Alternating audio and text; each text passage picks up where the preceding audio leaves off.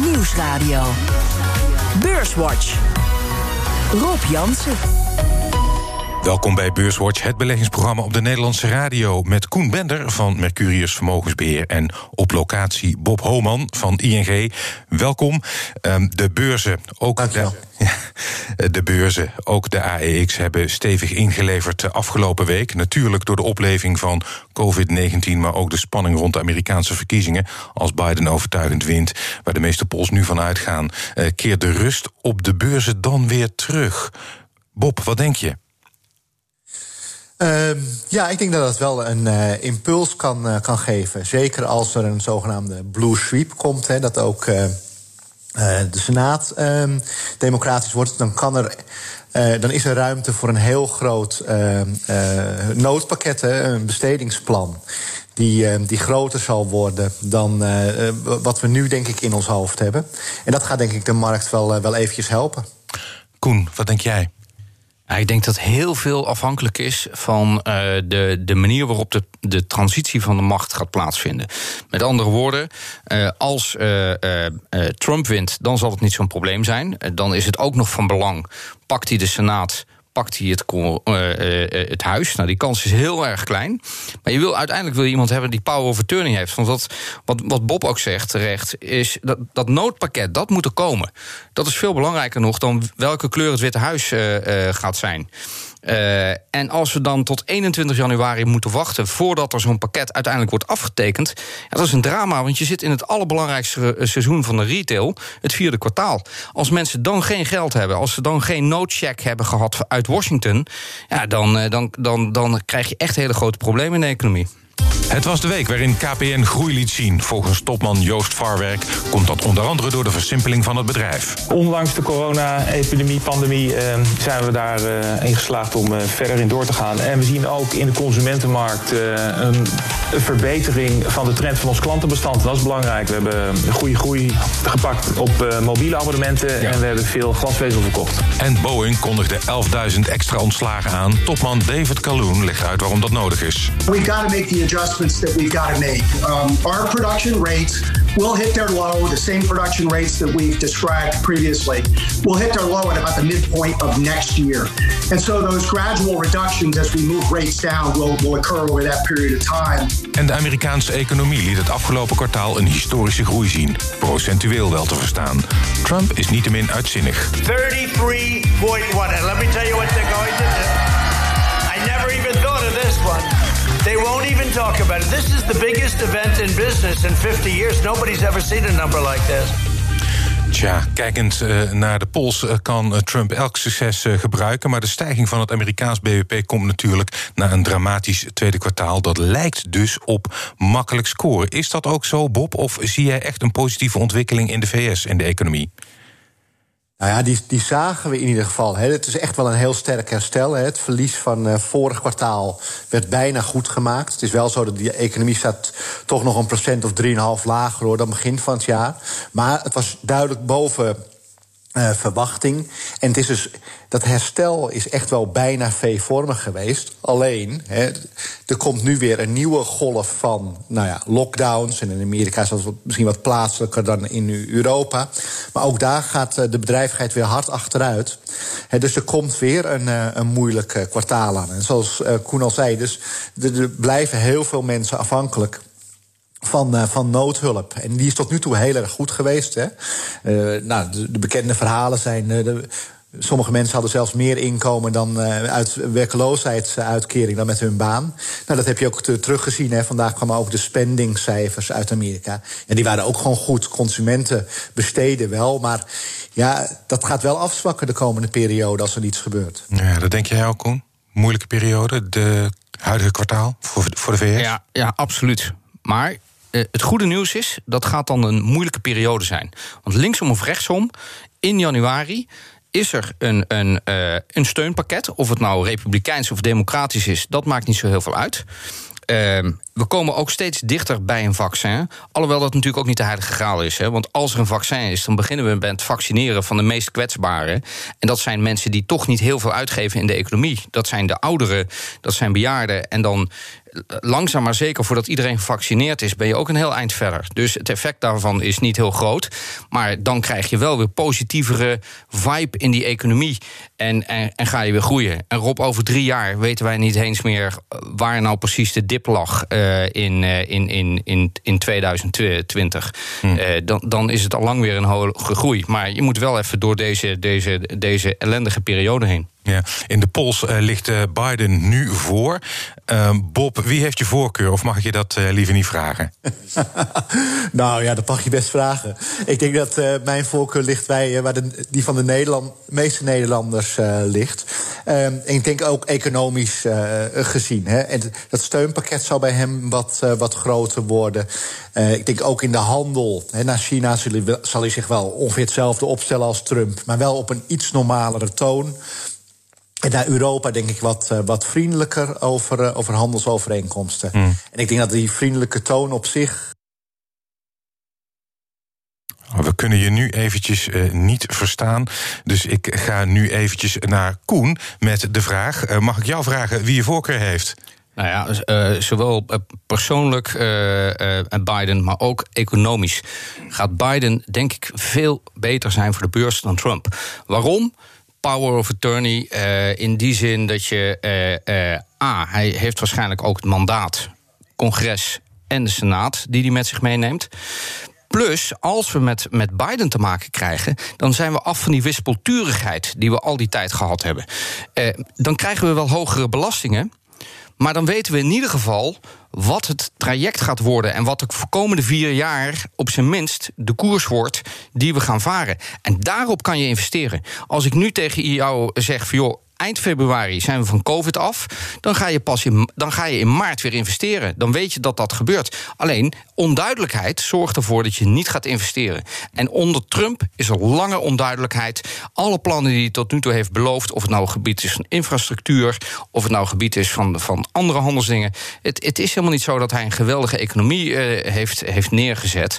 Uh, als je naar de cijfers kijkt, dan, dan valt het reuze mee. En ik denk dat de helderheid van Biden ontzettend belangrijk is. Oké, we gaan naar de ECB, want het is ook een belangrijk moment uh, afgelopen week. Weer een rentebesluit en bij die gelegenheid heeft president, ECB-president Lagarde aangegeven dat verdere stimulering door de centrale bank ja, zo goed als zeker is. Bob, verstandige beslissing? Ja, de markt zat erop te wachten en uh, die rekenen echt wel op, uh, op iets. Dus ze moest ook wel. Maar uh, ze zei het met veel overtuiging. Ja. En ze gaf echt aan, er komt iets groots. Dus ofwel uh, de aankopen worden uh, zwaar aangezet, ofwel uh, het wordt verlengd. Hè, want het programma loopt nu tot de zomer. Dan wordt het in ieder geval verlengd tot, tot eind van het jaar. wellicht beide. En je zag ook gelijk de reactie. Hè, bijvoorbeeld niet alleen de Duitse rente die een paar basispunten daalde, maar Italiaanse en Spaanse rentes die echt vijf tot zeven basispunten naar beneden gingen. Dus de markt gelooft het um, ook echt. En nou ja, op een dag als gisteren was het ook wel eventjes nodig. Ja, um, Koen, um, moet het aan de, ECB doet dus veel, maar uh, is minstens niet net zo belangrijk dat er ook fiscale steun komt van de lidstaten of de EU gezamenlijk? Ja, absoluut. Dat heeft Lagarde meermaals gezegd. Uh, we, we, kunnen het niet alleen. Het is veel effectiever als. Maar ja, daar heeft ze politici voor nodig. En uh, in ieder geval kunnen we zeggen... de ECB doet wat zij kunnen doen... en halen datgene uit de hoge hoed wat er nodig is. Een soort van whatever it takes. dit, dit is misschien wel haar whatever it takes uh, speech geweest. Alleen uh, het, het valt in een, in een klimaat aan de andere kant van de oceaan. Uh, wat wat heel slecht is voor de beurs. En daarom zie je dat niet terug. Maar het geeft wel steun. Ja. Um over beurs gesproken, ik wil naar de cijfers gaan en ik wil aftrappen met Shell. Een daling van de netto-winst van 92% maar onderliggend gaat het beter dan veel analisten hadden verwacht. Um, Koen, was het ook beter dan jij had verwacht? Ja, ik, uh, ik moet zeggen dat ik niet zo heel veel verwachting had van Shell. Ik kijk er niet zo heel erg naar. Het zit bij ons al jaren niet meer in de portefeuille. Uh, ik kijk ernaar omdat het ik krijg daar heel veel vragen over hm. van mensen. Hè. Uh, het houdt heel veel beleggers bezig. Uh, ik, vind, ik, ik vond het meest opmerkelijke dat ze dividend weer verhogen. Hm. En daar dacht ik eigenlijk van. Ja, schiet mij maar lek. Maar dit, dit is een beetje. Dit lijkt wel een soort van slalom die je nu aan het doen bent. Maar met een olietanker moet je niet slalommen. Hm. Met een olietanker moet je een hele rechte, duidelijke, stabiele koers hebben. En ik denk dat ze over de komende periode dat geld heel hard nodig hebben voor de energietransitie. Voor het. het eh, ik denk niet dat de olieprijs de komende periode eh, gaat stijgen en dat ze daardoor meer revenue gaan krijgen. Dus ik had gewoon gezegd: jongens, luister, we hebben de klap nu gehad van het dividend. We gaan daar geen beleid. Want als het dan volgende periode weer tegen zit, gaan ze dan het dividend weer verlagen. Ja, I don't know. Weet je. Ik, ben, ik ben nu een beetje. Ik ben mijn ankerpunt daarin kwijt. En ik heb liever duidelijkheid en stabiliteit. dan een, een, een, de ene keer wel, de andere keer niet. Eh, Bob, ben jij ook je ankerpunt kwijt? Of zeg jij van nou, ik ben wel blij met die dividendverhoging? Nou, eh, we zitten hetzelfde in als, ehm, als Koen. We beleggen weinig in energieaandelen. Maar ik moet wel zeggen, binnen die energieaandelen is Shell dan wel een, ehm, een favoriet. En het is natuurlijk best knap hè, dat je met een omzetdaling van ongeveer 50 hè, want en veel minder verkocht en nog veel tegen veel lagere prijzen ook, er toch nog een winst uit weet, eh, weet te slepen. En de cashflow is, eh, is positief, dus inderdaad het dividend gaat toch weer eh, ruim over de, over de 5% Maar dan kan je inderdaad, zoals Koen zegt, je vraagtekens bij, eh, bij hebben of dat heel erg houdbaar is. Hè. Daar heb je wel hogere olieprijzen voor nodig. Ja. Eh, Dus misschien na COVID, eh, om dat inderdaad de komende jaren ook te doen. Maar goed, het is wel een, eh, een mooi signaal dat ze dat, dat willen. Maar helemaal eens, energietransitie, daar zouden ze van mij ook best wat zwaarder mogen in, op inzetten. Want je ziet bij aandelen op dit moment heel erg, het gaat vooral om de verhalen voor de toekomst. En dat met olie en gas alleen red je dat niet. Dus je hebt een nieuw verhaal nodig. Ja, aan de andere kant, het aandeel heeft dit jaar zo'n eh, 58% verloren.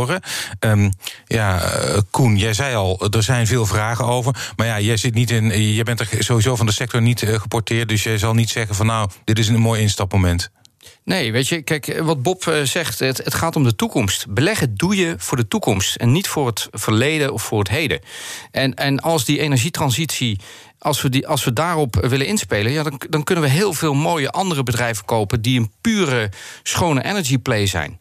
Dan hoeven we niet in Shell te beleggen. Dus doen we dat dan ook niet. Ehm, maar ik vind het wel, ja, in een traditionele portefeuille zou ik eigenlijk willen zeggen: jongens, kom op, kijk eens, kijk eens breder. De wereld heeft zoveel fantastische bedrijven waar je in kan beleggen. Waarom blijven we hangen in, in Nederland? En ja, eh, with all due respect, als je een typisch Nederlandse aandelenportefeuille hebt met ABN Amro, ING, sorry Bob, eh, eh, Shell, nu Heineken. Eh, en dan heb je voor twee jaar geleden iets, eh, iets geweldigs, eh, nieuw, een hoge groep, eh, goede Galapagos in je portefeuille genomen. Nou, eh, weet je, dan, dan, dan wil je nu onder een kei gaan liggen en nooit meer naar koersen kijken. Want dan heb je gewoon, dan heb je gewoon 40, 50 procent om je oren gehad dit jaar. En dat gaat niet goed komen de komende drie jaar. U luistert naar Beurswatch met een bevlogen Koen Bender van Mercurius Beho- eh, Vermogensbeheer. En natuurlijk ook met Bob Homan van ING. Voor we verder gaan, maken we even de balans op van de afgelopen week. De AEX die sloot op 533,9 punten, 3,7 procent lager dan vorige week. Stijgers. Op 1 staat Proces met een plus van 8% deze week. Ehm, Shell toch eh, klein plusje eh, met een plus van 0,1%. En ja, en een derde stijger zat er deze week niet in. Het midcap aandeel dat het best presteerde deze week was Grand Vision met een plus van 1,7%. Dalers. Dalers. Op 1, Randstad verloor 11,8% deze week. Op 2, sorry Bob, ING met een min van 11,1. En op 3, Unibuy Rodamco Westfield. Heeft het ook moeilijk de laatste tijd. Een min van 8,2%. In de midcap was de grootste daler Air France KLM... met een min van 14,6%. Hoe zou het komen? De AEX is deze week vier van de vijf handelsdagen lager gesloten. Ehm, ja, ik eh, wil door met Heineken. Eh, jij stipt het al aan, eh, Koen. Een aandeel waarvan ik ook, in, net als jij, vermoed dat veel particulieren dat in portefeuille hebben. En waar AB InBev, de grote concurrent, wel groei liet zien, daalde de omzet en de winst van Heineken. Ehm 20% van de banen eh, wordt ook geschrapt. Ehm, daarom eh, Heineken eh, eruit, of liever AB InBev. Nee, nou ja, ik vind Heineken, don't get me wrong, ik vind Heineken een, een fantastisch bedrijf. We hebben hem zeker ook wel onderliggend in portefeuille, alleen niet in het gewicht dat. Ehm, Nee, ik, ik, kijk, weet je, met dat bier. Uh, nu, de om, het, het vergelijken van die brouwers. hangt ontzettend af van in welk land verkoop je wat. Verkoop je alleen lager of heb je speciaal bieren? Uh, 0,0 groeit als een dollar bij Heineken. Uh, in Amerika's dubbeldigit groei. Maar ze hebben ook positie in Zuid-Afrika. En er was een verbod op het verkopen van alcohol. In Mexico, gedeeltes van Mexico, een verbod op het verkopen van alcohol. Als je dan een hele grote positie in die landen hebt, ja, dan, dan, dan, dan kun je proberen wat je wil, maar dan gaat het dus niet lukken. Daarentegen, hè, Carlsberg bijvoorbeeld vorige week met cijfers, geweldige groeicijfers. Waarom? Grote positie in Rusland. Denk je dat, dat Poetin tegen de Russen gaat zeggen dat ze geen alcohol meer mogen verkopen? Nou, als hij, als, als hij, uh, als hij zelf naar een interneringskamp wil worden gestuurd met een revolutie, dan moet hij dat doen. Dus eh, dat is een ontzettende ruggenwind geweest voor Carlsberg.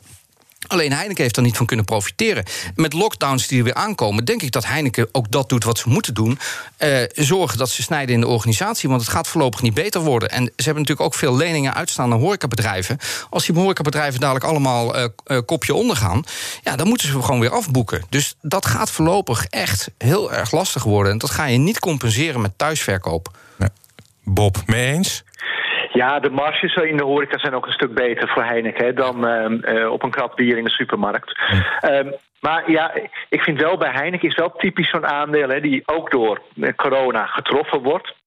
Maar die in tegenstelling tot wat, wat andere branches um, zeker niet om gaat vallen. Hè. En dan, als er dan flink wat van de koers afgaat, op een gegeven moment is de wereld weer normaal. Hè. Um, nou, laten we hopen, zo snel mogelijk.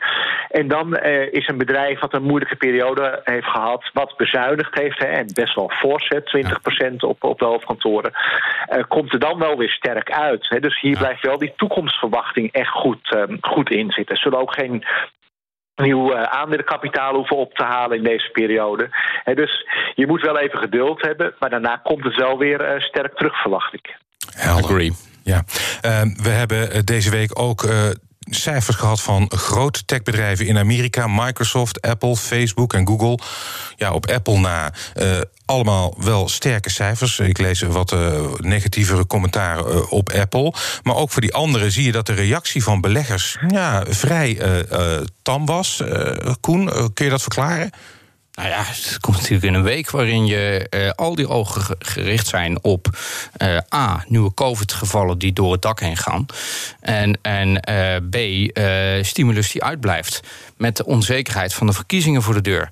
Dus ja, dan zeker. En, en tegelijkertijd als je dan dus zegt van ik neem risico van de tafel af, dan worden ook die aandelen verkocht die, uh, uh, die overal zwaar in de portefeuille hebben uh, zitten. Nou ja, dat, dat, dat zijn precies de aandelen die u nu net opnoemt. Ja. Um, Ant Group. Uh, de fintech-dochter van Alibaba, die gaat volgende week naar de beurs. Het wordt de grootste beursgang aller tijden, groter nog dan Aramco destijds. Wordt waarschijnlijk 34 miljard dollar opgehaald. En de onderneming heeft dan een waarde van 310 miljard dollar. Bob, must-have voor beleggers? Nou, dat, dat lijkt er in ieder geval wel op. Want uh, de emissie is intussen rond de duizend keer overschreven, uh, meen ik uh, te horen. dus ze hebben voor die, die 35 miljard dollar 35.000 miljard inschrijvingen. Ehm, dus dat wordt wel een, een succes en dat lijkt een must-have, omdat het ook echt een, een grote speler wordt. Hè. Het wordt qua marktkapitalisatie de derde financiële instelling van, van de wereld. Ja, dus dan zul je hem als een al wil je een beetje met je benchmark meedoen, ja. zul je hem in portefeuille moeten hebben. Ja, ik, ik, ik, ik, heb er eigenlijk niet eens naar gekeken, maar dan is de kans groot dat ze ook in december in de MSCI eh, worden opgenomen. Ja. Dat is de enige wat ik, waar ik me dan over vraag, is ze hebben geen listing in, in New York. En dat is eigenlijk wel uh, ontzettend belangrijk. Dat, dat, financiële centrum wordt daarmee ook getrokken naar Shanghai en naar, naar, naar Hongkong. Hm. Dat, dat New York buitenspel staat hier. Ja. ja, dat is wel dat is, dat is echt een ding hoor, jongens. Ja, dat is uniek. Ja. Um, wat ik altijd leuk vind is een luisteraarsvraag die ik uh, heb ontvangen. En dat is uh, van een meneer die zich afvraagt. Uh, die zegt: 9 van de 10 keer tippen mijn gasten in Beurswatch Amerikaanse fondsen. Houden ze dan ook rekening met het valutarisico? Hoe denken de gasten in Beurswatch over de dollar. Bob, moeten beleggers zich kopzorgen maken over de koers van de dollar op het moment dat ze voor de lange termijn, laat ik dat vooropstellen, beleggen in Amerikaanse aandelen? Nee, zou ik zeggen. Um, en ons beleid ook daarin is eh, nooit uh, een valuta afdekken als je in aandelen belegt. Want je zult zien hè, op het moment dat een, bijvoorbeeld een dollar heel slecht is, doet waarschijnlijk de Amerikaanse beurs het best relatief goed, omdat die aandelen daar dan relatief voor de rest van de wereld goedkoper worden. En natuurlijk vice versa. Dus valuta afdekken bij um, aandelen, ik zou zeggen, doe het maar niet. Koen. Ja, I agree. Ja, ja. Als je, uh, kijk, als je me vraagt wat, wat, wat de dollar gaat doen, dat vind ik heel erg moeilijk om te voorspellen. Ik denk dat het in deze wel uitmaakt wie de volgende president wordt. Want als Trump herkozen wordt, dan is de kans groot dat Jerome Powell in uh, januari 2022 uh, op zoek kan naar een andere baan. Die wordt niet verlengd. Dan zal Trump iemand willen hebben die heel verruimend is. Hè. Misschien wel Jared Kushner, de nieuwe voorzitter van de centrale bank. Maar in, ieder geval iemand waarvan Trump denkt dat hij de gezinder is. En dat zal niet goed zijn voor het vertrouwen van de dollar. als dat gebeurt. Maar verder denk ik dat het niet veel uitmaakt. En blijft het een hele sterke munt. Alhoewel de renminbi ook sterker zal worden de komende periode. Ja, we zijn alweer uh, bijna aan het einde van de uitzending. En dat betekent dat ik mijn gasten mag vragen naar de tip waar de luisteraar zo naar uitkijkt. Bob, wat is jouw, luisteraar voor de, jouw tip voor de luisteraar? Nou ja, die ligt een beetje in het verlengde van uh, die end die je net uh, noemt. Uh, de tip is Alibaba, de Chinese internetgigant. Die ook na de beursintroductie van End 35% daar nog steeds een belang in, in houdt. Dus die mee profiteert. En verder zitten ze in ja, alles wat op dit moment aantrekkelijk is. Cloud, streamingdiensten, online shopping, online maaltijden. Noem het, noem het op. Je betaalt weliswaar 33 keer de winst. Zeker niet goedkoop, maar wel duidelijk goedkoper dan de Amerikaanse concurrent Amazon. En men lijkt op dit moment niet heel erg naar waardering te kijken. Dus Alibaba is, uh, is mijn tip. Koen, wat is jouw tip voor de luisteraar? Ja, ik, ik, niet zozeer nu een, een, een direct individueel aandeel. Maar als we iets van 2020 uh, uh, kunnen leren, is zorg dat je gespreid bent. Zorg dat je en Amerikaanse aandelen. Maar kijk ook zeker naar het oosten.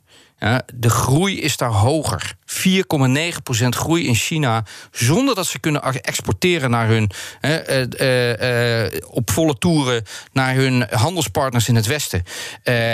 de grootste demografische groei. De meeste mensen op de wereld wonen in een cirkel van 900 kilometer rondom Hongkong. Er wonen meer mensen in die cirkel dan daarbuiten. En die zijn jonger. Dus de groei vindt daar plaats.